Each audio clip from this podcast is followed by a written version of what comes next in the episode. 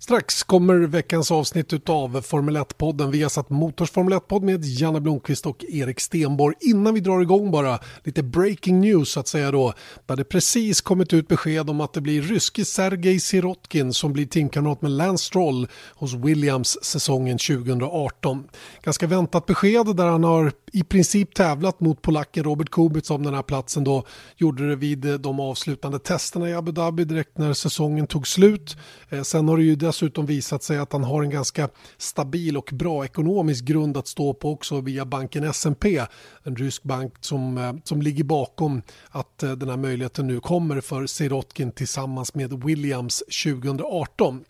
Eh, Robert Kubica som var den andra kandidaten och som var mycket, mycket nära att ta den här platsen har också bekräftats som eh, test och reservförare för Williams Racing 2018 och eh, det betyder att han kommer att köra lite grann under försäsongstesterna i Barcelona. Han kommer även att köra en del av de in-season tester som pågår under säsongen, dels i Barcelona men också i Ungern. Och sen kommer det dessutom att bli ett antal fredagsträningar för Robert Kubica under 2018. Så helt avsågad från en riktig comeback i Formel 1 verkar Robert Kubica därmed inte vara. Men för Williams 2018 kommer alltså Lance Stroll klart sedan tidigare och nu bekräftat idag alltså Sergej Sirotkin att bli. Spännande besked, intressant att se vad det här kommer att betyda nu för framtiden. Så länge tar vi och lyssnar till veckans avsnitt nu av Formel 1-podden som kommer att handla en hel del om ekonomi. Viasat Motors F1-podd presenteras av byggvaruhuset Bauhaus.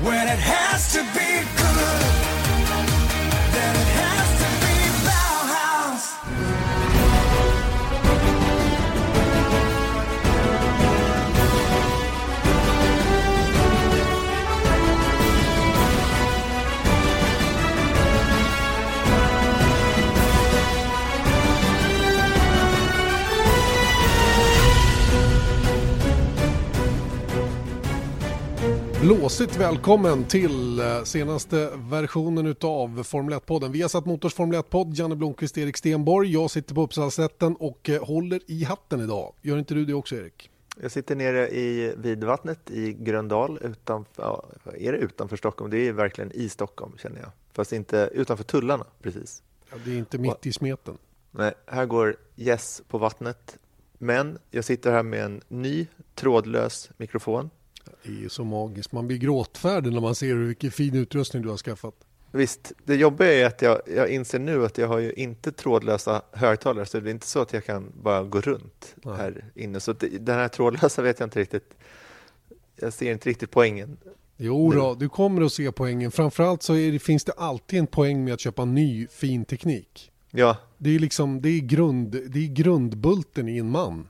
Jag tycker på något sätt att flest grejer när man dör vinner va? Ja men lite så är det ju faktiskt och jag, mm. jag är helt på din sida. Själv fick jag nöja mig med en mikrofonarm ja. som jag har satt på skrivbordskanterna så jag har händerna fria.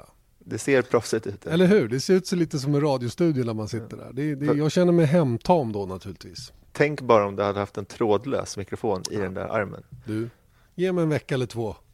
Exakt, så kommer allting ordna sig.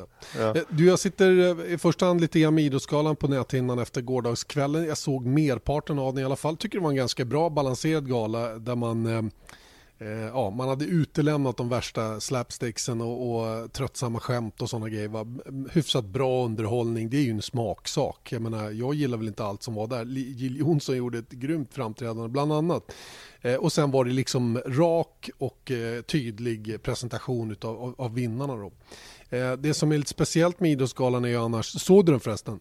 Nej, jag, jag, tittar inte på den om jag inte är bjuden. Och det Nej, var inte exakt, exakt. Jag, jag, var bjuden men var tvungen att stanna hemma. Så att, ja, det var ju lite... Hur som helst, eh, bra gjort, bra ihopsatt och hela den grejen. Och sen så blir den ju tyvärr, måste jag säga, lite signifikativ då med Jerringpriset. Det är precis som att det är det största priset av dem allihopa det här, eh, det här tyck och smakpriset då som delas ut på slutet och som är röstfiskarnas eh, paradis. Liksom. Det är ju den som har eh, mest angelägna fans den får ju priset på något sätt. Va? Eftersom man kan rösta hur många gånger som helst. Varje person kan rösta hur många gånger som helst och det finns någon duo-app och man ringer och gud vet allt vad det är. Så att det, det blir ju liksom lite sådär. Va? Och det kan jag tycka är lite synd för att det, det, det, är klart att det är en stor ära att vinna inom citat folkets pris. Men att påstå att det är folkets val av den som har gjort bäst idrottsprestation. Det, det, det köper inte jag riktigt. Utan det är ett rent popularitetspris. Och det, det tycker jag man ska marknadsföra det som också. Inte, inte någonting annat. Um, sen är det fortfarande en stor ära tror jag för alla som får det här Jerringpriset att, um, att, uh, att, få, att bli vald så att säga utav de som har tagit sig tiden att rösta väldigt många gånger. Mm. Jag, är inte, jag vet ju hur det blev i fjol då när, när eh, Peder Fredriksson vann. Eh, hästhoppare. Mm. Eh, heter det hästhoppare? Ja, det skulle jag påstå att det gör. Hästhoppning, ja, ja det är väl ja.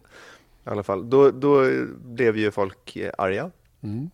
Eh, samtidigt så tycker jag då att, ja du har väl rätt i det, sättet det marknadsförs, men jag mm. tycker liksom om communityn runt den. Alltså, jag tror hästsporten är lite sådär som motorsporten är också. Det hade lika gärna kunnat bli Johan Kristoffersson. Eh, Johan Kristoffersson.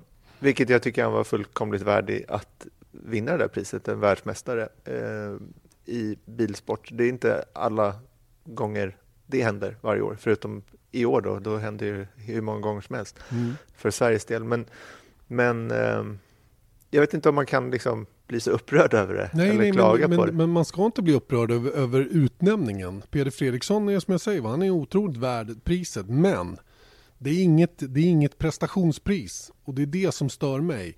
Det marknadsförs som det största man kan få för man har gjort en fantastisk idrottsprestation och det gjorde Peder Fredriksson. Men, men, men eh, om man ska vara ärlig och ställa saker och ting mot varandra så blir det lite grann en tyck och smakfråga också.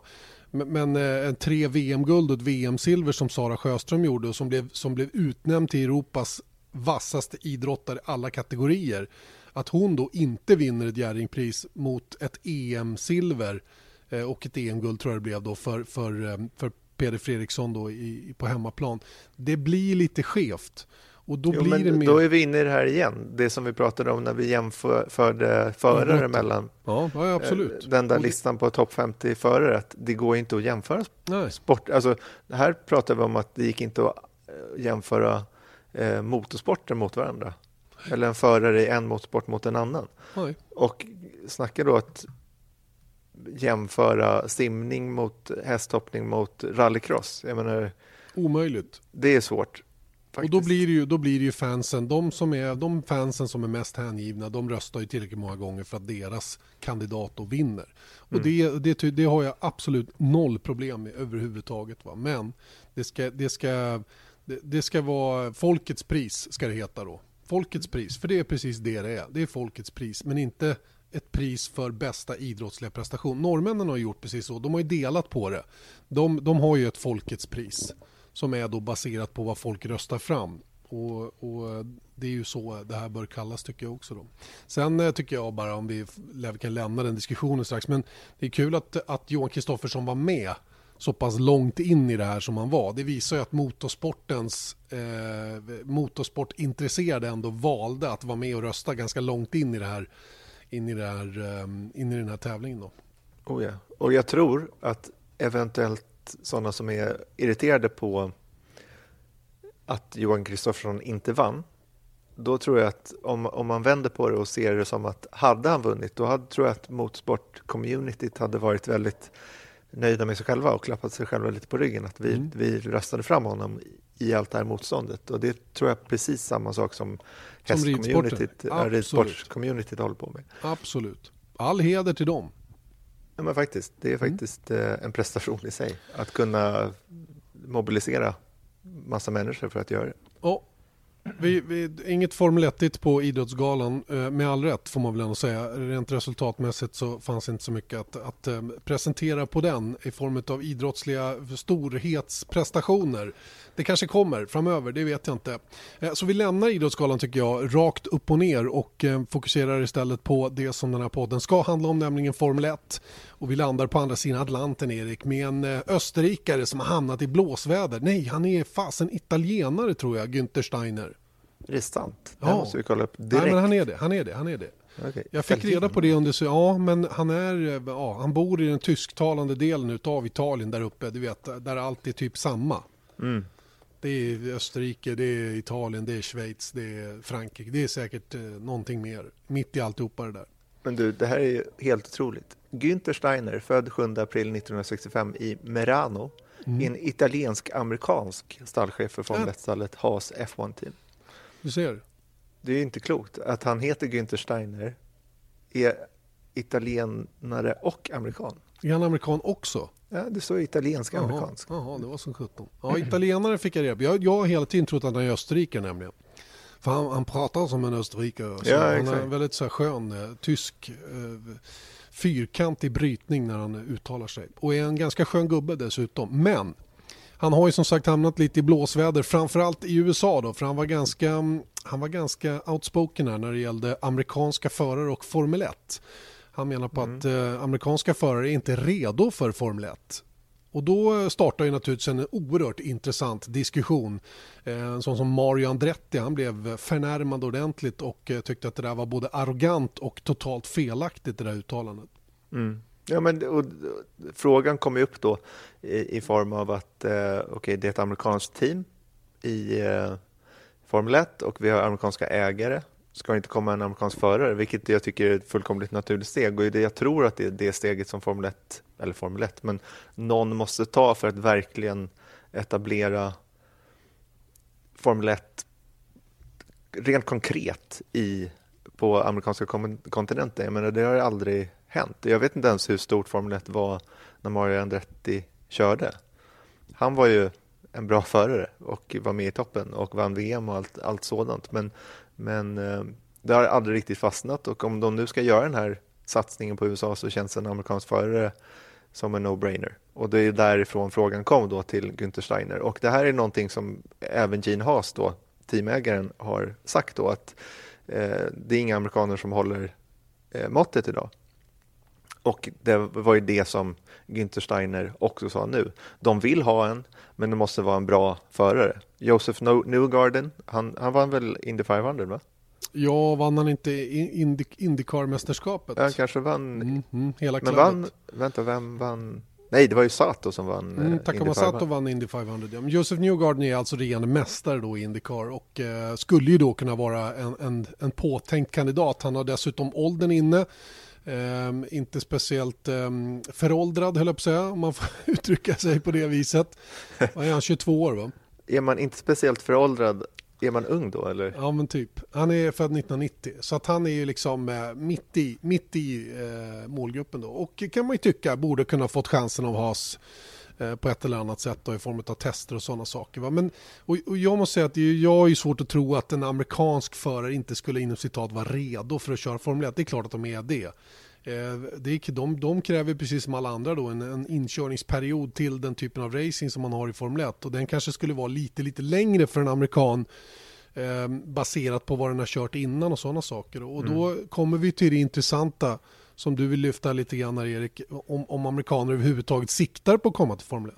Ja, men jag kan ta det lite från början där. att Det som Steiner säger är också att Josef Newgarden säger att han är jättebra förare, men han skulle för svårt i Formel 1 utan eh, citat prior exposure eller utan tidigare exponering av Formel 1. Och det, det stämmer säkert helt, eh, helt korrekt. För att jag menar, att komma in i Formel 1, det är en, vi har pratat om det, a different beast i Formel 1.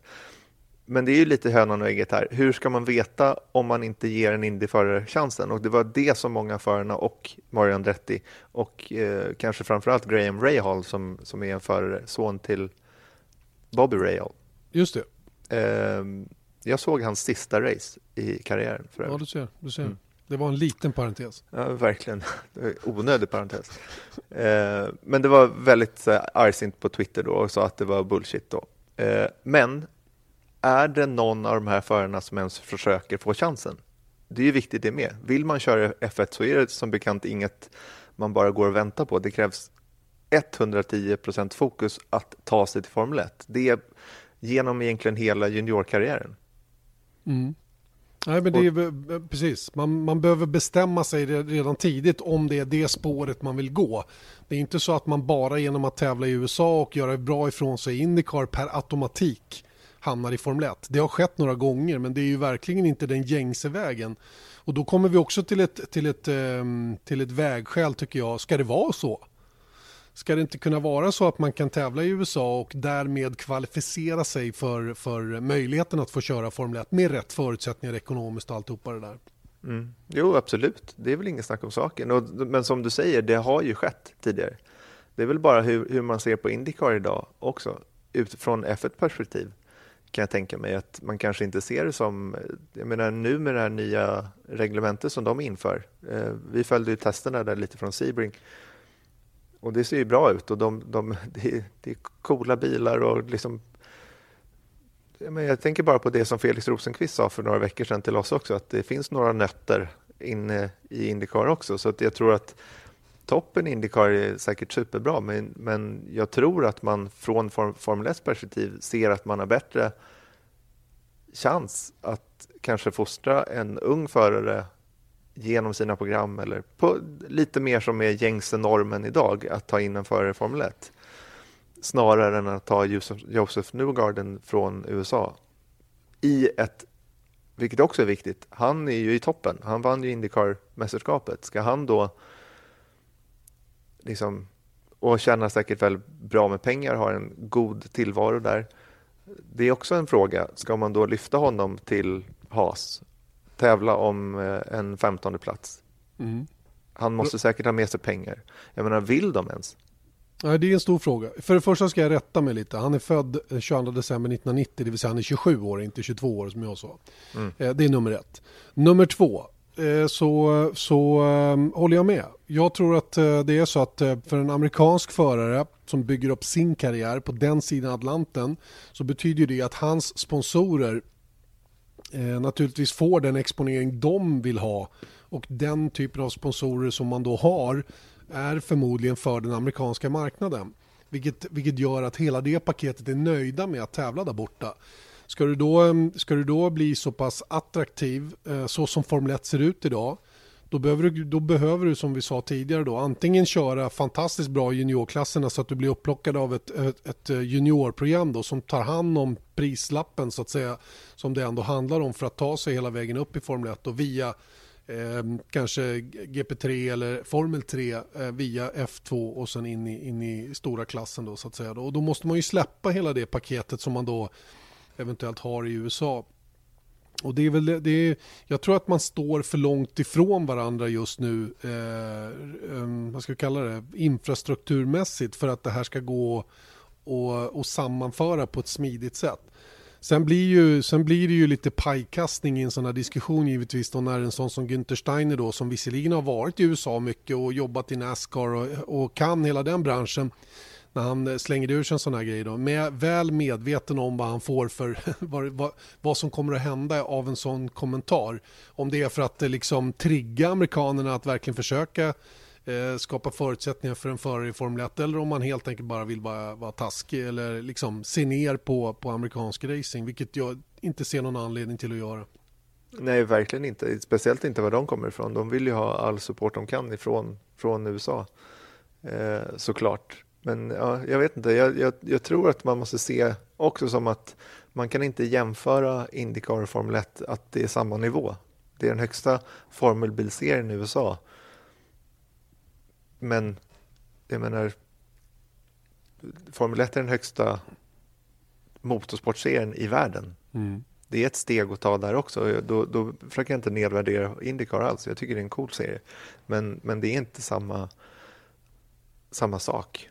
Nej, långt enkelt. därifrån. Och eh, om vi då backar och tittar på, eh, på det rent historiskt så har det ju varit eh, några amerikaner som har provat lyckan i, i, i Formel 1.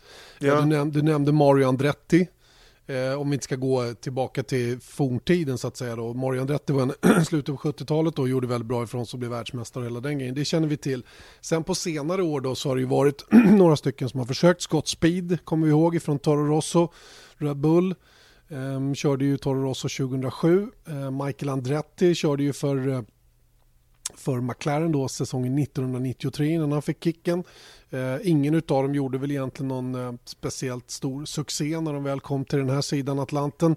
Eh, sen har vi då en som sticker ut lite grann Erik som, som, som faktiskt har, har gjort det som vi efterlyser som, som har valt att, att förhålla sin karriär i Europa då med, med ambitionen att ta sig till Formel 1 nämligen Alex Rossi. Mm. I varje fall fram till nu. Nu är han ju etablerad i Indycar istället. Och, men det är det här som vi snackar om att det är ju en amerikansk förare är viktigt, men den måste vara bra. Och det är det där som vi menade att Scott Speed, Michael Andretti, eh, Alex Rossi till viss del gjorde liksom ingen, inget avtryck. Det gick inte bra när de kom till Formel 1. Eh, och, och, och, då, det gör liksom ingen nytta för F1-intresset i USA eh, på det sättet. Men Alex Rossi är ju intressant för han, han gjorde ju verkligen den europeiska versionen av karriären. Han körde GP2 länge och jag vet faktiskt inte hur mycket liksom, vad han körde inför, men sen så fick han ju chansen i Manor eh, 2015.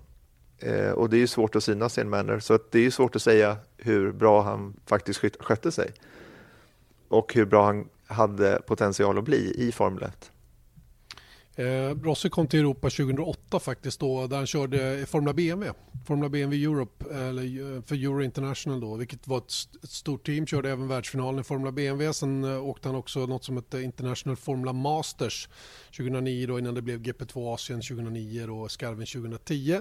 Åkte GP3 och sen åkte han Renault 3,5 eh, innan han gjorde några tester för eh, för Caterham 2012 i Formel 1 och sen då GP2 efter det då hoppade även in på Le Mans i en LMP2-bil och, och sådana saker. Så att han har ju varit väldigt, eh, väldigt bred i det avseendet. Men helt rätt Erik, han, från, från tidig formelbilskörning eh, så, så förhöll han sin karriär då i Europa hela tiden.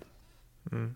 Och eh, det lyckades ju till viss del. Och jag vet inte hur mycket, som sagt, jag, jag, tycker att det är svårt att vi här och nu ska försöka ratea hans insats i Manor 2015. Dels så, så minns jag inte eh, speciellt väl hur, hur, det såg ut, men också liksom att Fem race, det är ju ingenting dessutom. Det var ju knappt så han blev varm i kläderna. Va? Så att, ja, och mitt i säsongen och allt, allt sånt där också. Det var ett, eh, en, en dålig tid för Manor helt klart också. Men hur som helst, att han, han hade ju chansen liksom och då tog han sig hela vägen till Formel 1 oavsett hur bra det gick där. Och det kanske är tack vare att han var amerikan i mångt och mycket. För att alla vet att Formel 1 vill ha en amerikan där. Det är ingen snack om saken. Så det är inte problemet, utan problemet är att de måste ta sig på rätt väg. Hur ska Men sen, den skolas in? Ja. Ja. Sen så vad gäller då Indycar, om man tittar på den jämförelsen, så sticker ju två förare ut som faktiskt kom från Indycar. De var inte amerikaner, men de kom från Indycar och etablerade sig och gjorde väldigt bra ifrån sig i F1. Hade en traditionellt amerikansk skolning framför allt då? Ja, men precis. Mm. Och då har vi Jacques Villeneuve som ju vann eh, VM 1997 och Juan Pablo Montoya. Som sagt, ingen av dem amerikaner.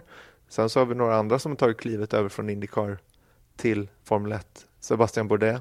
Han var ju faktiskt en superstar i Indycar vid den tiden. Han, han vann ju allt. Eh, körde för Toro Rosso tillsammans med Vettel tror jag. Var det 2008? Mm, kan nog stämma det. Ja, ja, jag kommer inte ihåg nu. Jag tror det, men det, det gick inte bra alltså i alla fall. Han fick eh, sparken till slut, fick han inte det? Ja, han fick sparken till slut. Och jag tror att det var 2008 när han körde med, med Vettel då. Eh, var inte efter det då att de började köra lite började varva med Liuzzi och Klin och alla de här. Hur som helst, det där spelar ingen roll. Cristiano Damatta tog också steget från, eh, han var också en superstar i Indycar, lyckades inte med eh, Toyota i Formel 1. Alex han var över två gånger, eh, lyckades ingen gång egentligen och han var ju också han en superstar i Indycar. Eh, man kan vända på det. Nigel Mansell, F1-världsmästare, tog klivet över till Indycar, lyckades jättebra. Svenska Stefan Lillövers Johansson, han, efter F1-karriären superkörde han Indycar. Han gjorde väl okej okay ifrån sig, eh, men han var ingen eh, superstjärna kanske. Alonso gjorde inhoppet Indy 500 eh, i fjol. Då. Eh, Så att, men generellt sett så är det ju lite högre resultat från de ytterst eh, ovetenskapliga undersökningar. Det här är bara min eh, gamla vanliga magkänsla, men att de, går man från Formel 1 till Indycar så tror jag att det är lättare att anpassa sig på, på något vis snarare än tvärtom. Mm. Ja, det är intressant det där. Eh, jag kollar lite grann på Sebastian Bourdais. Han körde ju full säsong 2008 som du sa då med Sebastian Vettel. Han eh, blev sexa i mästerskapet, 39 inkörda poäng. Sen fick han flytta på sig då under 2009.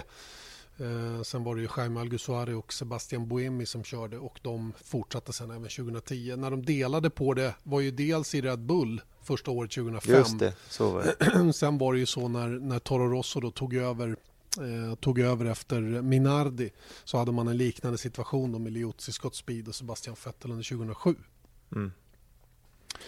Så är det med den saken. Och eh, ja, amerikaner i Formel 1, jag vet inte hur de ska göra för att få in någon och vem som ska bestämma. Du var inne på det, ägget eller hönan. Vem, vem, vem ska ta initiativet där? Ska amerikansk racing på något sätt eller en amerikansk förare själv ta initiativet eller så ska det ett amerikanskt team i Formel 1 då ta initiativet och börja skola fram en amerikan som man vill ha in i sporten då eller ska Liberty Media hjälpa till på något sätt och försöka få fram en amerikan till Formel 1 vilket de naturligtvis är oerhört intresserade av.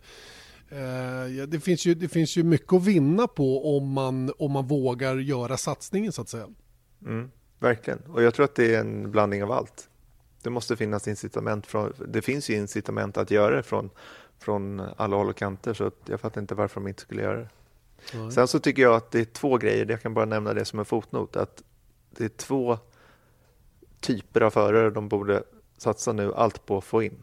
Då har vi en amerikan, vore jättebra, mm. och en kvinna. Ja. Och det fattar inte jag. Förstår du om de hade en börjat jobba nu? Kvinna för att få, till och med. ja, alltså Danica Patrick tror jag inte håller måttet. Men jag menar, jag, jag, tror bara tar man fram en kvinnlig förare som kan leverera bra och som man liksom får en McLaren, Lewis Hamilton-karriär. Mm. Jag menar, det är ju så öppet mål vilken Succé. Vilken succé det skulle bli. Ja, det är faktiskt sant. Det är lite kul när man sitter och tänker på det. Tänk dig en amerikansk kvinna ja, som dessutom är, är liksom världsmästarmaterial. Mm. Mm. Satt Motors Formel 1-podd. Janne Blomqvist, Erik Stenborg fortsätter förhoppningsvis intressanta samtal där vi har eh, klarat av den amerikanska marknaden. Vi hade ju, vi hade ju lösningen. Mm. En kvinnlig amerikansk förare som är världsmästarmaterial. That's what you're looking for. Så är det. Ja, gött. Det var ju skönt. Då kan vi skicka det vidare. Du noterar det och drar det till Ross Braun. Mm. Jag ska ju träffa honom här i nästa vecka så just det, det är lika bra att jag går Berätta mer om det. Det är en så kallad workshop. Du gjorde det här förra året också. Vi har ju läst oss till att, eh, att eh, det har varit lite möten mellan, eh, mellan Liberty, eller FOM, Formula One Management och teamcheferna där det sägs att det ska bli någonting alldeles utöver det vanliga när det gäller tv-produktionen kommande säsong. Mm. Är det mm. något sånt ni ska diskutera då antar jag? Jag tror att det är ganska mycket i form av att vi blir informerade snarare än, än eh, De vill inte ha någon input? Jo, alltså egentligen så har det varit ganska mycket input de senaste åren. Det har ju bara varit sådana här två gånger och första året var det väldigt mycket så här. Vi fick titta på hela deras, eh, alla deras eh, faciliteter i det stället där som heter Big In Hill. Eh, vilket var under liksom uppbyggnad på, för liksom det digitala samhället. Det var ganska mycket liksom gammalt eh, jox då, men hur mycket de satsade på tv-produktionen.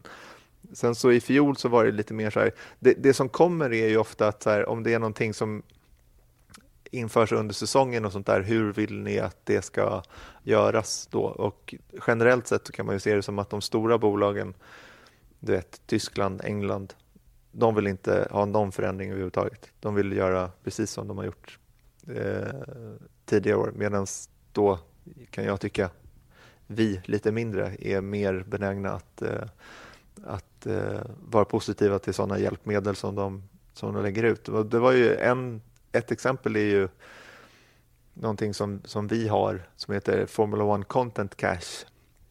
Så att där får vi requesta då genom en, en eh, internetbaserad server eh, om klipp. Liksom. Så att om vi behöver någonting speciellt så eh, vi in där och sen så kommer det klipp och analyser och, och, och sånt som vi vill ha. Eh, nu så tror jag att det, mycket av det här kommer handla om den här OTT-plattformen eh, då som jag tror att de kommer eh, launcha inom ganska kort. Extra material helt enkelt då som Formel 1 har som de tänker erbjuda då för en liten kostnad på en digital plattform av något slag då, om jag förstått det hela rätt. Ja, exakt. Och det är inte så många som vet så mycket om det än, men jag tror att eh, det här är väl ett tillfälle där, där det kommer vara väldigt mycket information om det. Mm. Men right. Eh, jag får eh, helt enkelt informera det i nästa veckas podd. Det tycker jag låter som en fantastiskt bra idé. Vi ser redan fram emot det. Eh, under tiden kan vi rensa av lite av de andra ämnen vi hade tänkt oss i veckans podd, nämligen att Robert Kubica då Eh, troligen, eller han kommer inte att köra för Williams, tävlingsköra för Williams under 2018. Den platsen är ju eh, more or less vikt åt eh, Sergej Sirotkin då som eh, lyckades få ihop ett, eh, ett paket som var tillräckligt attraktivt för Williams plus att han då körde snabbt på banan under testen då i Abu Dhabi. De sakerna tillsammans då petade bort Robert Kubica då vars begränsningar till slut blev då kanske lite för lite för stora då och ehm, det, det, har bland annat pratats om att han inte räckte till riktigt över ett varv då när det skulle kval, köras kvalsimulationer. Sen har jag också sett och det var lite kul, jag såg någon sån här julfestbild med, med Pirelli där Mario Isola satt och käkade middag ihop med Robert Kubica och lite folk runt omkring Kubica. Och nu kommer det, kommer det uttalanden här efter, efter jul och nyår om att eh, Pirelli tycker att Kubica ändå borde ha fått en chans i Formel 1. Och och, och de försöker väl reparera lite grann det faktum att det har kommit ut information om att, att Kubica som aldrig har tävlat på Pirelli-däck eh, mm. var begränsad av det så att säga då, och hela den biten. Va? Så det är ju alltid som vanligt, den information som kommer ut är ju liksom sånt som man vill ska läcka ut och, och som ska styra opinionen åt ett, ett, eller åt ena eller andra hållet. Nu kanske Kubica ändå får chansen på ett, på ett annat sätt då, nämligen som tredje förare vad det nu egentligen ska leda till för hans del. Vad tror du? Alltså, jag kan tänka mig att eh, dels är det väl ett sätt för honom att åtminstone hålla möjligheten vid liv. Att få kanske få lite mer erfarenhet att om, om man får köra tester, han kanske får några fredagar till och med. Eh, bara för att liksom visa upp sig, men jag tror att också för ja, att få erfarenhet på Pirelli-däcken och med de nya bilarna. Men jag tror också från Williams sida att det är klart att de såg PR-värdet i att ha Kubica tillbaka i bilen. Ehm, och det här är ett sätt för dem att få åtminstone en liten del av det. Mm. Och eh, liksom spegla sig i, i eh, Kubicas ändå stjärnglans och den här uh, Askungesagan som det faktiskt är. Att han tar sig tillbaka i Formel 1. Även om det inte är som raceförare så, så är det en en jättebra grej. Sen så dessutom med tanke på att om det blir Sirotkin, en rookie och en nästan rookie i Lance Stroll, jag menar, all erfarenhet de kan få är ju bra erfarenhet. Mm. Han är i alla fall inte development driver som vissa andra ryska förare blivit. Nej, tänker du på, tänker på Danny Kviat. Just det, som blir, eh, han får ett icke-jobb som jag kallade det eh, hos Ferrari då. Eh, och det är verkligen ett icke-jobb. Development driver, det är ju ett, det är ett sånt nonsensord så jag kan inte ens beskriva vad jag tycker om det. Eh, sen förstår jag att det är bra för en sån som Kviat att vara på payroll ifrån, ifrån Ferrari men jag gissar att han har fått bidra en hel del själv för att få det där jobbet överhuvudtaget eller få den där titeln snarare. För det finns ju ingenting att utveckla eh, idag. Det är ju åtta dagar till, eller fyra dagar tillgängligt under säsong i form av tester och de kommer de inte att gödsla bort hur som helst. Möjligen att Kviat kan få en av de dagarna, kanske. Ja, Så att, antagligen inte. Alltså, eh, Esteban Gutierrez eh, gjorde exakt samma resa. Mm. Det som dock hände för honom var att han fick en styrning i Haas ett mm. år. Så att jag menar, det är inte det är ju det Kviat tittar på givetvis då, eftersom Ferrari samarbetar med två andra team nu då, att han försöker kila in sig på något sätt. Han, han har säkert nu då ett år på sig också att bygga upp en sponsorbas eh, eftersom det verkar finnas rätt stort intresse i Ryssland trots allt och med tanke på vad Sirotkin har lyckats skrapa ihop då för att kunna ta platsen i Williams så, så kan det vara en livlina som, som möjligen funkar för, för Kviat. Vad tror du?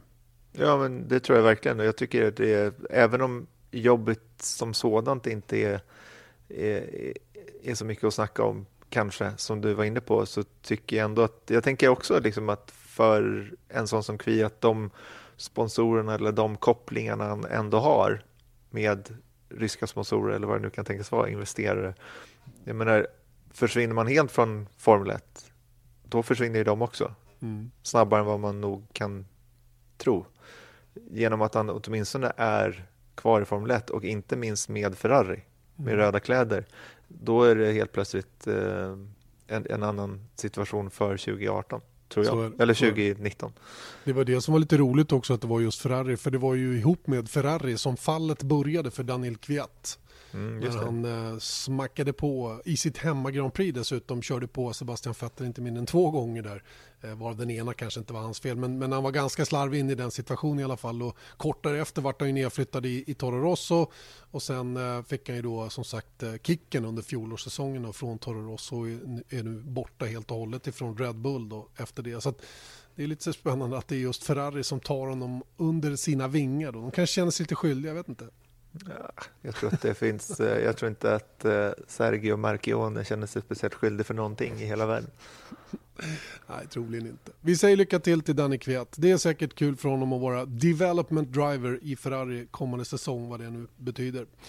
Um, det här med vad det kostar att köra Formel 1 är ju alltid en het potatis. Vi pratar ofta och mycket om det och eh, det som också har pratats mycket om det är hur ojämnt fördelat intäkterna för Formel 1 är med olika bonusar och saker fram och tillbaka. Eh, det senaste från Jean Tott är ju det här med budgettak för det är någonting som, som i alla fall man eftersträvar även om det kommer att bli väldigt, väldigt svårt att få till så menar Jean Tott att det inte bara går att förlita sig till endast ett budgettak för att kostnaderna måste ju liksom man måste få kontroll på kostnaderna långt innan dess. Det här måste ske stegvis på något sätt för att det inte ska bli ett, ett totalt kaos bara med, med massa folk som inte har sina jobb kvar. Mm. Och vi närmar oss en intervju som du gjorde förra veckan med Dieter Renken. Mm. Och det här är väl lite som en, eh, vad ska man...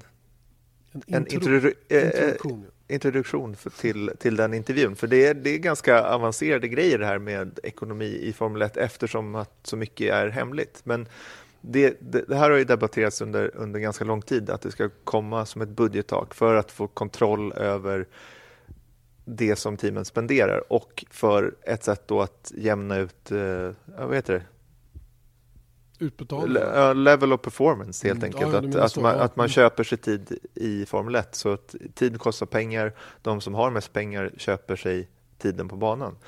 Eh, inte konstigare än så. Men då har det debatterats väldigt mycket det här med budgettak. Om man tittar på andra sporter eh, så har de eh, salary caps, alltså lönetak i NHL, NFL, NBA. Och det är ju just då för att man inte ska... Det, det jämnar ut lagen. Man kan inte ett lag kan inte köpa alla superstjärnor, om, även om ägaren är rik. Eh, det är ju lite lättare att kontrollera för det är ju bara löneutbetalningar helt enkelt som går via NHL eller vad det nu kan tänkas vara. Här är det faktiskt hela teamens omkostnader som ska tas i beaktning på ett eller annat sätt och det blir väldigt svårt att, eh, jag vet inte ens hur de ska kunna göra det. Men... Det, har ju varit, det har ju varit käpphästen hela tiden att det går inte att, det går inte att kontrollera det till 100 procent eh, hur mycket pengar man, väl man faktiskt spenderar på just själva racingen. Då. För att det är ju massa undantag för ett sånt här budgettak också. Mm. Samtidigt då så, så är det ju som alltid då att enda sättet för att det ska kunna fungera med ett budgettak är ju att, att folk är med på det. Mm. Eh, och så länge de kan, och det är ett problem i sig, att få Mercedes att, och Ferrari att vara med på det. Men förutsatt att, att de lyckas med det så, så kan man säkert ordna till det. Eh, men problemet nu är att det som kom ut nu senaste veckan och som Christian Horner, Ross Broad och Sean har kommenterat då är att eh, skulle man införa ett budgettak nu så skulle det aldrig, skulle aldrig, det skulle bara falla samman för att eh, Christian Horner använde uttrycket att dammen skulle inte hålla för, för vattentrycket. För att, säg då att bara dra till med en siffra. Ferrari spenderar 5 miljarder kronor på någonting. Och så sätter man ett budgettak på Hälften. en miljard. Mm. Ja. Och då, då går liksom, det blir för stora skillnader. Eh, det går liksom inte bara att rycka bort mattan. Ferrari kan inte sparka 600 pers på en gång, så att säga. Eh, så att först och främst så måste man få ner omkostnaderna. Sen kan man införa, när, när väl budgettaket ligger närmare den faktiska kostnaden, då kan man börja titta på det. Framförallt är det väl så att ett införande av ett budgettak måste ske i steg. Eh, du säger få ner kostnaderna, det är ju lättare sagt än gjort. Och säga åt team att spendera mindre med pengar i väntan på att få en, en, en gräns. Det är väl så att den här gränsen, eh, du måste bort 25% första året, ytterligare 25 mm. år två och så 25 år tre till slut har man kommit ner till den nivå där man vill vara. Och det, det är ju det här som är så otroligt svårt att komma överens om och det, det, det, det kommer inte att gå att komma överens om om inte alla är med på att det måste bli kontroll på saker och ting. Va? Och det, det sjuka med hela den här sporten är att så fort att det här att man touchar på det här ämnet så börjar alla bevaka sina intressen va? istället för att se till, till hela affären på något sätt. Va? Och, och, ehm, det är väl klart att i ett sånt här läge när man, när man pratar om att införa en, en, ett budgettak så gäller det ju att någonstans också bevaka sin position rent, rent prestandamässigt som man då har och som man helst inte vill tappa mitt i, mitt i alltihopa det här. Så ja, jag vet inte, jag vet faktiskt inte hur de ska, hur de ska lösa det här och, och, ehm, och få till det på Nej. rätt sätt. Nej, vi ska, I och med att ni går igenom det här, du och, och, och Dieter går igenom det här i mångt och mycket så ska vi inte liksom dra allt på en gång. Vi ska inte gå händelserna i förväg, nej. Men ett sätt att, att uh, se till så att teamen inte spenderar för mycket pengar är att inte ge dem för mycket pengar och för ojämställt. Och det är någonting som, som Dieter Enken då uh, brinner mycket för. Och några siffror tänkte jag innan ni lyssnar på intervjun som kan vara värdiga eh, värda att ha i åtanke är de här bonusutbetalningarna som, som ni är inne på i intervjun. Och då kan vi då eh, bara som ett exempel, Force India, eh, teamen då får ju utbetalningar baserat på eh, sina mästerskapspositioner de föregående åren. Det finns olika varianter av det här som vi inte behöver gå in på. Men om vi tittar på det som Eh, teamen fick utbetalade under 2017 så kan vi konstatera att Force India då fick 72 miljoner pund utbetalade för sina fjärdeplatser två år i rad. Eh, det är bra pengar. Eh, tittar man på Ferraris utbetalningar i samma vad ska man säga, i samma kolumn, samma kolumn så fick de 77 miljoner eh, pund. pund det här makes sense. Jag menar, de fick 5 miljoner pund mer, men de, har, de var bättre också. De var bättre. Mm. Eh, problemet är när vi börjar titta på deras bonusutbetalningar, Ferraris. Som sagt då, Force India 72 miljoner pund totalt. Ferrari får en utbetalning som heter som är för att de är long standing team och det är alltså för att de har varit med eh, i Formel 1 sedan 1950. Den ligger enkom den ligger på 68 miljoner pund. Sen så får de ytterligare en utbetalning som heter Champ eh, Constructors Championship Bonus som ligger på 35 miljoner pund. Vilket gör då att bara i bonusutbetalningar så är det på 103 miljoner pund, vilket alltså är nästan 150 procent av det som Force India får totalt. Och de här Constructors Championship Bonuses är, betalas ut till fyra team. Det är Ferrari, Mercedes, Red Bull och McLaren. Vilket gör då att McLaren som kom sexa 2016 och har haft en jobbig tid sedan de började köra med Honda. De fick 97 miljoner pund. Det vill säga ja. 20, 20 miljoner mer än Force India. Ja, 25 trots, att de, ja, trots ja. att de var bakom. Ja, det är alltså lite mer än en kvarts miljard mer än Force India. Och det är mm. då för de här bonussystemen. Och det är det här som någonstans är problemet. Det är det som gör, jag menar utbetalningarna baserat på på resultat, den tycker jag är fullkomligt vettig.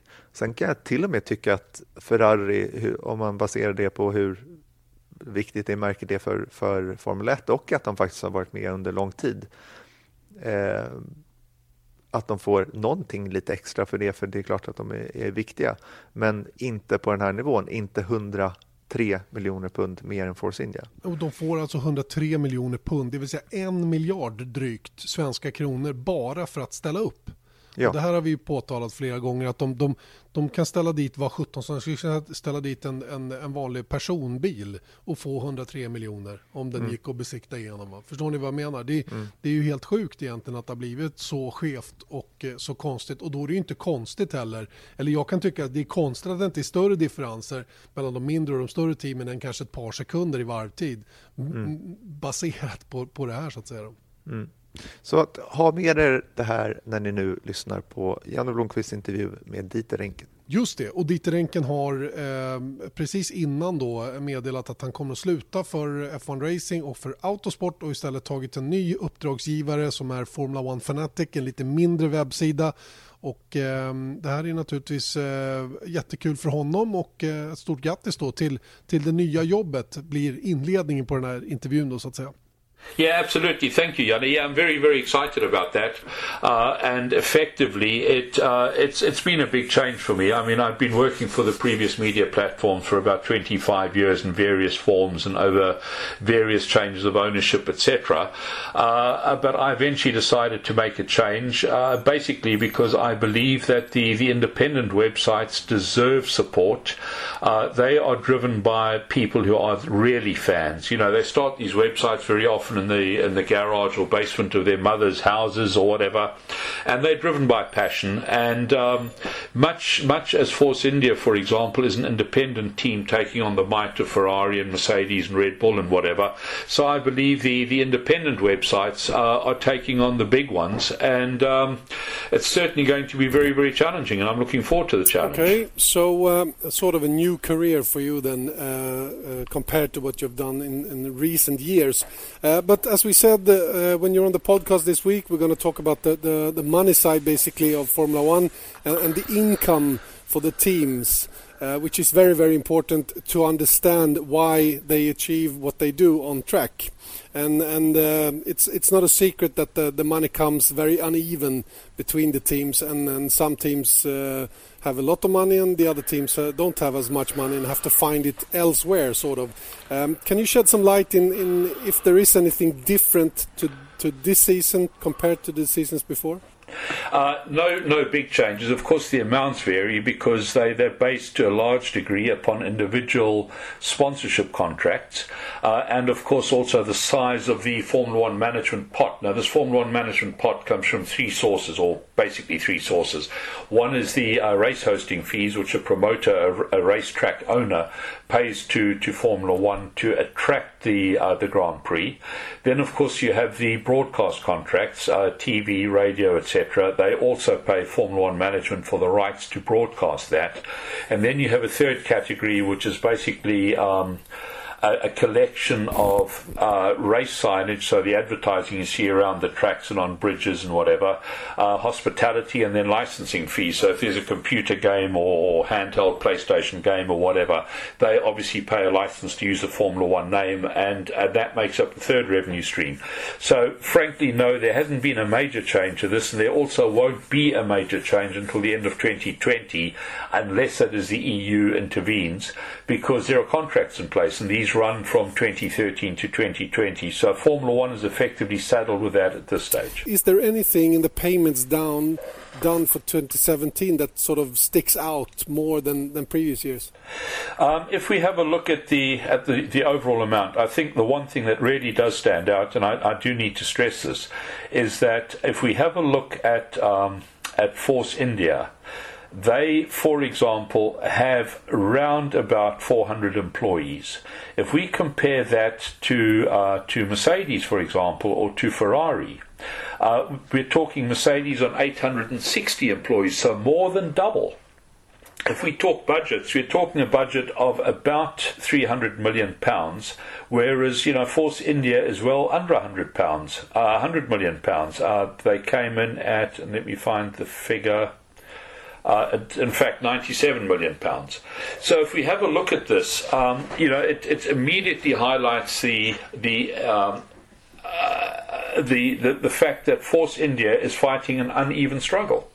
And and uh, all that considered, I mean, the, the the amount of points they've taken uh, based on the money they've spent, it's it's it, it makes like Mercedes and Ferrari look a bit stupid, I would say. Um, I believe so. I wouldn't like to, to express it in those terms, but I know exactly which direction you're going. I, I, certainly believe that it should be up to the directors of Ferrari and Mercedes, for example, or Red Bull to a lesser degree, to actually sit back and say, wow, we're spending all this money and really could it not be done more efficiently? Of course, what will happen is that Mercedes will argue, quite rightly so, that a lot of their budget also comes from sponsors. It doesn't only come from Formula One management, and that they've worked very hard at, at obtaining these sponsors. Absolutely. So I don't have a problem with the size of the budget per se. I have a problem with the bonuses. And that is something that the directors should be looking at and addressing and saying, would we really be performing at these levels without these bonuses that arguably we shouldn't have? So where are we now with, with the new owners having run Formula One for a complete full year and a little bit more than that? Are we coming somewhere with with uh, with these bonuses changing? We know that Ferrari is uh, sort of thundering that they will they will drop out of the Formula One Championship if stuff isn't going their way. What what is your take on it? Well, basically, Ferrari have threatened, yes, and I could also see uh, Mercedes turning around and saying we've we've established a business model based on certain levels of income, and Formula One management we don't mind if you pay Force India more or Sauber, for example, more or Renault, but don't pay us less. And this, of course, has major implications for Formula One management's bottom line. It's now a listed company. It's got shareholders. It's listed on Nasdaq. Uh, so having shareholders, of course, you have a situation where you know the shareholders would like maximum return, and if this money, these increased monies, get paid to teams going forward, then obviously that affects the bottom line, and therefore it affects shareholder dividends. So I think that there is a very, very uh, robust argument coming up in the in the uh, short to medium term future. So, uh, what what do you think will happen then? I believe there'll probably be a, a halfway point meeting where they won't throttle back everything on Ferrari but they equally won't uh, uh, double up what Force India's been getting, for example. I think they'll sort of meet 50 50 and say to Ferrari, we will cut back. But I think the important thing is that any cutback will, of course, affect uh, headcount levels because, you know, Ferrari have got a, um, a business model that requires, uh, in their particular case, about 960 employees. Now, if you cut back the amount of money that they paid by, let's say, 50% on, on the bonus side, you're probably reducing that by about 40 million pounds per annum. That means you're going to be looking at reducing by, let's say, 100 people, possibly 200 people. Now, you know, you can't expect the business to suddenly at the end of 2020 go and fire 200 people. It's not fair on the people, it's not fair on the business, and in fact, it would probably jeopardize Ferrari very, very badly if they suddenly lost 200 people a quarter of their workforce. And therefore, I think it's important that Formula One puts into, into place and starts actioning a glide path where they say, Ferrari, this is what we'll pay you from 2021 going forward. If you want to leave, by all means leave, give us notice now, because we'll structure accordingly. If you want to stay, this is what we'll pay you.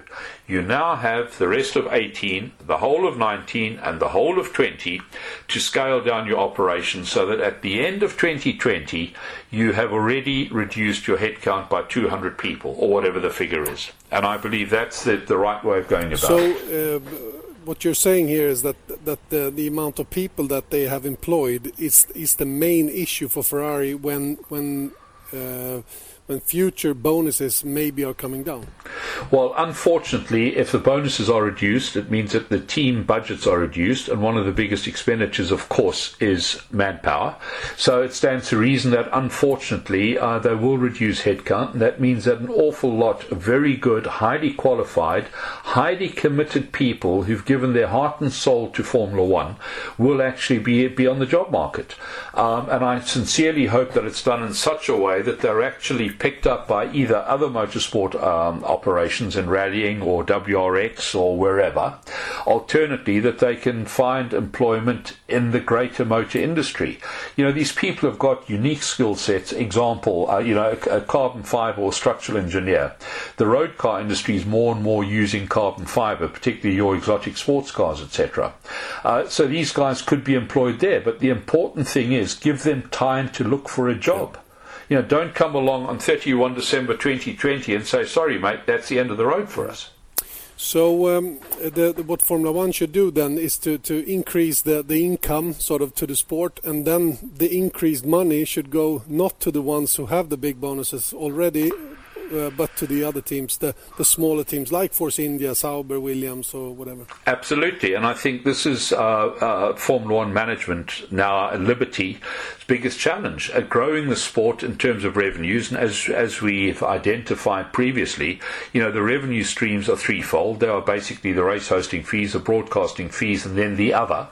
Now, as far as I'm concerned, your uh, race hosting fees they will battle to increase because fundamentally the uh, the promoters are paying the maximum. Already, Malaysia said we're paying too much. They've given notice. Silverstone has given notice. Um, they keep talking about 25 races per annum, but we seem to struggle to get above 20 regularly and 21 occasionally. Um, so I, I can't see where they'll find the other four races from, particularly at present hosting fee levels. So you know that that avenue is restricted. So the big one remaining, of course, is broadcast. And here I believe that they believe that the way to go is to go directly to the consumer. Um, they're talking about uh, what is known in the industry as OTT over the top, where effectively it's a direct broadcast. Let's call it a Netflix type approach, um, where it goes straight from the circuit to the consumer's television, normally by cable or similar means and that way they believe they can monetize it and charge each consumer directly for that Grand Prix they're watching or that season or whatever, and then link it to other packages. And I believe that that's the way they hope to grow it. But of course, they'd have to do so by the end of 2020. Yeah, but the the, the thing with with that kind of solution is that they will probably lose uh, the the the TV viewers because uh, many of the TV companies are not agreeing to, to let go of the OTT part only to get the TV rights. Uh, I know my company is not going to buy only TV rights, uh, and that's a, that's a bit of a, a, struggle for, for Liberty to find that uh, that solution. Absolutely. You know, I can't speak on behalf of the TV uh, broadcasters, and you're obviously a lot closer to them. But all I will say is that there are contracts in place which have a certain expiration date, and it could be that the current traditional broadcasters discover that they won't have their contracts renewed, which would mean that the fan out there won't have access to free to air or uh, uh, broadcast as part of an existing package. I don't know. The, the landscape is changing massively, and these are all factors that need to be taken into account. This also has massive ramifications for teams because obviously, as the number of eyeballs drop, and I believe that they will drop certainly in the short term, and they've already shown that trend. Uh, um, and as they drop, it means there are less eyeballs on the cars, which means that the teams have got less eyeballs to sell to sponsors. You know, if a sponsor pays 10 million for 400 million eyeballs, then obviously he's not going to pay the same amount if the figure is 300 million eyeballs, for no, example. But if we, we turn it around and say that uh, the, the, the, the eyeballs you have on, on, on social media is growing like it's growing at the moment, then you maybe gain the eyeballs back. From what you lose on TV, you find it somewhere else. Of course, but then you also need to monetize that because the, the, the sponsorship take will be a lot slower. You know, your your social media eyeballs grow, but it doesn't mean that a sponsor will come along next year and immediately double the amount of money. And and equally, the, the teams need this money if if uh, Formula One is not going to continue to be run inequitably. You know, one of the most telling things is that since this payment structure was introduced, uh, 2013, we have not yet had a winner from outside of the teams that earn the bonuses. And if you look at the size of the bonuses, that basically decides the, the, the podium. It's, it's always either Mercedes first, Ferrari second, and then Red Bull third, or Ferrari first, Mercedes second, Red Bull third. and this is actually the size of the, this is the, the, um, the scale of the of the payouts. Um, I worked out the other day that if they did away completely with the bonuses, completely, that 1,400 people across the teams would actually be made redundant by in some form or other, be it retirement, attrition, or or redundancy packages. 1,400 people. That's an awful lot of people that one has to cut back over the next three years. Uh, before we let you go for, for, for today, Dieter, uh, a little uh, closer look at Sauber uh, and their and their budget for 2017 compared to what you think will be for 2018 with with um, with Alfa Romeo coming in and stuff like that. Is is are we in Sweden going to see a, a dramatic change in in Sauber? Do you think? Well, first of all, I believe that you will, um, for for no reason other than the fact that the the Alfa tie-up, and obviously being Formula One, there's a lot of secrecy about, so we don't know exactly uh, what uh, what the terms and conditions of this particular Alfa Romeo tie-up are. But um, based on what I've heard, based on what I feel, and based on what I've perceived, I believe that the deal is basically um, that they get Ferrari engines either at a reduced price or even free of charge in return for carrying the Alfa Romeo branding on the car. So this, of course, the current lease rate for a, um, a current spec engine uh, well, full current spec powertrain because they're taking engine, transmission, hydraulics, and electronics, and a couple of other items, is probably worth between 20 and 25 million euros per annum. Now, let's assume that um, a large part of that is is provided free by Ferrari in return for the Sauber branding. Uh, that would, of course, free up around about 20 million uh, euros for, for Sauber to use to develop the car, etc. So uh, this is, of course, a very, very welcome step. Um, the the new owners are also fully committed to uh, to Formula One, so I believe that uh, Longbow Finance uh, will make available additional uh, funding for for the budget. So yes, I believe that a combination of the commitment from Longbow Finance, the restructure, and I think it's very important that we recognise Fred Vassier's uh, place in the organisation, a top class motorsport manager, as his record has proven. Um, I think those three factors Fred Vasseur, uh, the commitment, the long term commitment from Longbow Finance, and also the fact that the Alfa Romeo deal does free up uh, an, an, element of funding for development is very, very good news. And then I think the final factor uh, is Charles Leclerc, whom I rate incredibly highly, incredibly highly. I've watched him grow from GP3 through uh, Formula 3, Formula 2, etc. A top class driver, and um, and I think he'll also be able to assist their, their fortunes going forward. And, uh, tough for him then to get beaten by a Swedish driver. Uh, yes, it will be tough, but let's let's be honest. This is the um, this is the name of the game, and I sincerely hope that that Marcus, whom I also rate very highly, but we're looking at the new factors here. We weren't looking at existing factors, and that's why you know I highlighted Fred, who came in in, in June. I highlighted the Longbow finance commitment, which has been reiterated. And of course, the Sauber deal is new, uh, and Charles Leclerc is new. So um, you know Marcus is part of the team and has been for the last three odd years. So of course and of course I rate Marcus, and I believe that he's retained his his seat in the team on merit. Thank you so much for this uh, interesting information, and uh, let's see what's going to happen. I I assume we see each other in Barcelona for the for the preseason testing. Absolutely, I'll be there for the eight days, and I look forward to seeing you again in person, yeah, Jana. I'm probably going to be on the podcast as well then when we come to Barcelona. look forward thank to you that. So, thank look you so much for this time. Great stuff, thank you. Ja, Dieter Enken där alltså som um, hjälper oss att gå igenom de här svåra bitarna när det gäller ekonomin i Formel 1. Och, och eh, det märks ju hur mycket han brinner för, för att få ordning på det här, eh, på det här eh, konstiga, skeva systemet som han har. Och det är lite därför han byter jobb också, för han tycker att Motorsport.com då köper upp hela branschen och han vill vara lite mer independent då som man säger då, och försöka hitta något nätverk där man där även mindre publikationer kan jobba utifrån sina lite kanske mer spartanska förutsättningar. Eh, mm. Pratar lite om Sauber här på slutet och eh, är väl eh, hyggligt positiv tycker jag i sina omdömen. Ja, inte bara jag. av artighet.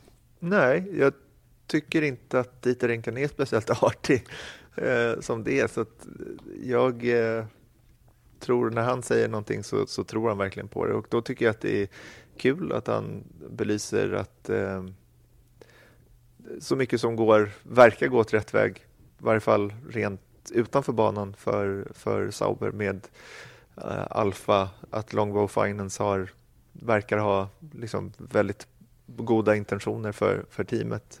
Fred Vassör, vilket jag håller med om, är en, verkar vara en, utifrån det lilla jag sett från honom när jag varit på plats, så uh, verkar han vara en rätt typ av teamchef för Sauber. Charlie Leclerc, det är kul att de har en, en sån hypad förare i Sauber. Eh, och att han även är positiv till Marcus Eriksson. Så det är ju eh, det blir bra positiv av att höra. Mm. Ja, det känns verkligen som ett bra paket för, för Sauber här 2018. I alla fall innan vi har sett bilen rulla ut. Då. Det ska ju också backas upp av det som händer hemma i fabriken just nu. Då. Det får vi väl försöka återkomma till längre fram huruvida man är där man vill vara så att säga då, med den här nya bilen då, som man har tagit fram till i år. Mm. Och än en gång, jag tycker att vi gör alla rätt i att inte ha för höga förväntningar på Sauber i år, för jag tror att det kan leda till djup besvikelse när man då tar i beaktning att de ska, för att ta poäng ska de slå eh, ja, de behöver inte slå, men de behöver liksom slå väldigt många team för att ens ja. komma upp på tionde plats. Vi har topptrion, vi har Renault, vi har McLaren eh, som är liksom borde ta stora steg och sen så helt plötsligt eh, och sen så Williams och, och, eh, Force, och Force India. India. som inte ska trilla allt för långt bak då. Eh, så att helt plötsligt Ja, det är stenhårt. Jag tycker att på, på, något sätt så känns det som att 2018 kan bli ett av de hårdare mästerskapen rent generellt. Som har varit på många, många år. Eh, där många har förutsättningar i alla fall att vara konkurrenskraftiga på, på, en, på en väldigt, väldigt bra nivå. Och ingen känns som någon riktig eftersläntare längre utan nu är det ganska tätt och packat och jag känner att eh, blir det, blir det en, en skillnad mellan bästa och långsammaste bil på 2-2,5 sekund så, så är, tror jag inte vi är speciellt långt ifrån sanningen. Nej. Let's hope. Let's hope, ja. Precis. Innan vi slutar så ska vi eh, uppmärksamma eh, en person, en förare som eh, satt ganska stort avtryck ändå på Formel 1-historien som tyvärr gick bort här för, för en kort tid sedan. Vi pratar om Dan Gurney. Amerikanen då som föddes 13 april i New York och eh, tävlat på väldigt, väldigt hög nivå. Eh, Formel 1, Le Mans, Indycar och i Nascar och debuterade i slutet på 50-talet i Formel 1 och i en Ferrari. Eh, stor, stor förare Erik som, eh, som eh, ja, många känner ju igen hans efternamn om inte annat. Mm, ja men verkligen. Och 13 april 1931. Så han dog då den, den 14 januari nu för ett par dagar sedan bara när vi spelade in där.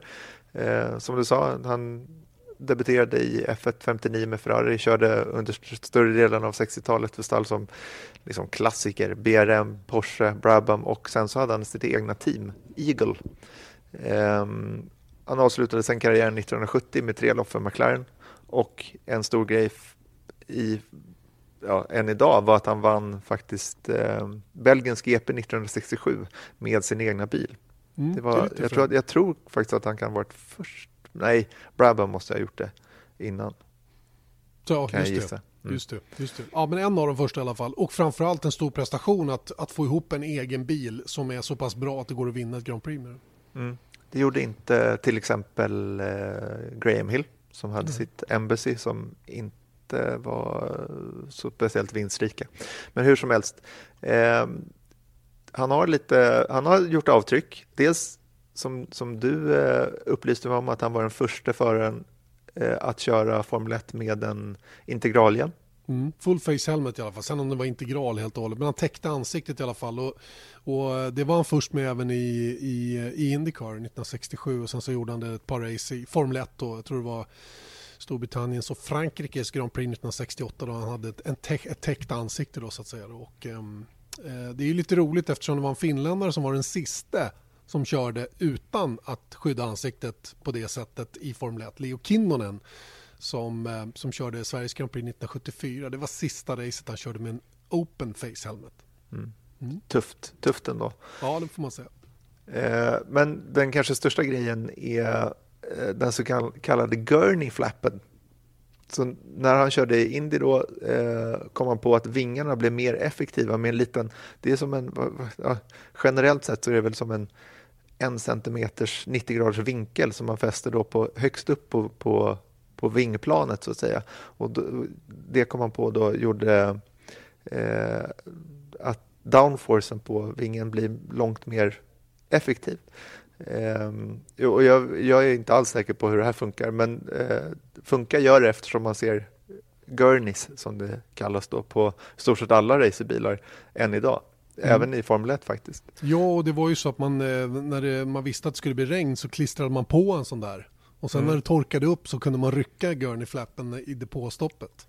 Mm. Jag vet inte om det är tillåtet längre att göra sådana grejer, men det, det vet jag att man gjorde under ganska många många race tidigare. Då. Just en gurney flap. Då. Men det coolaste mm. grejen som han ligger bakom, den kommer ju nu. Ja, och det var så här. Efter att han och AJ Foyt, ni vet eh, Kenny Brecks gamla teamchef i IRL, eh, de vann Le Mans 1967 för Ford. Och då när de står på podiet så blir Dan Gurney då så glad och nöjd över att han vunnit. Det var väl med GT40 tror jag. Det måste det ha varit 1967. Ja. Då står han och hoppar där uppe på podiet och blir så glad så att han börjar spruta champagne. Oj, så tokigt. Ja, och på den vägen är det. Han var alltså den, den som inte bara integralhjälmar och gurney flaps utan han kom på den här eh, traditionen då att spruta champagne när man står på podiet. Ja, fränt. Mycket, mycket fränt. Det är, sånt, det är sånt jag skulle vilja bli hyllad för i efterhand. Att vara innovatör kring hur man sprayar champagne. Det, det är ju en cool grej alltså, helt mm. klart. Du får göra det efter, du vet, på när under podiumceremonin får du liksom sabrera, äh, sabrera en champagne och spruta på Eje. Det vore ju någonting nytt. Ja, det vore det onekligen. Sen hade det varit så populärt, det vet sjutton. Men visst, en bra idé. Men jag skulle kunna skjuta en kork varje gång. Precis när de går över mållinjen bara mm. Det kan ju det vara lite inte så, ja, ja, men det, det är lite Det skulle, lite kunna, det skulle kunna höras i mikrofonen i alla fall. Ja, exakt. Ja, eller bara så här skrynkla upp papper eller jag, jag, du måste Ja, någonting. någonting. Förse det med en gimmick tycker jag. Nej, men, ja, men en sån där tryckluftuta. Ja, ja. Det vore ju fränt ju. Och dra av en signal där inne. Exakt. Så, så nästan intill mig ramlar av stolen. Ja, det är bra. Han behöver vakna lite ibland. Exakt, exakt.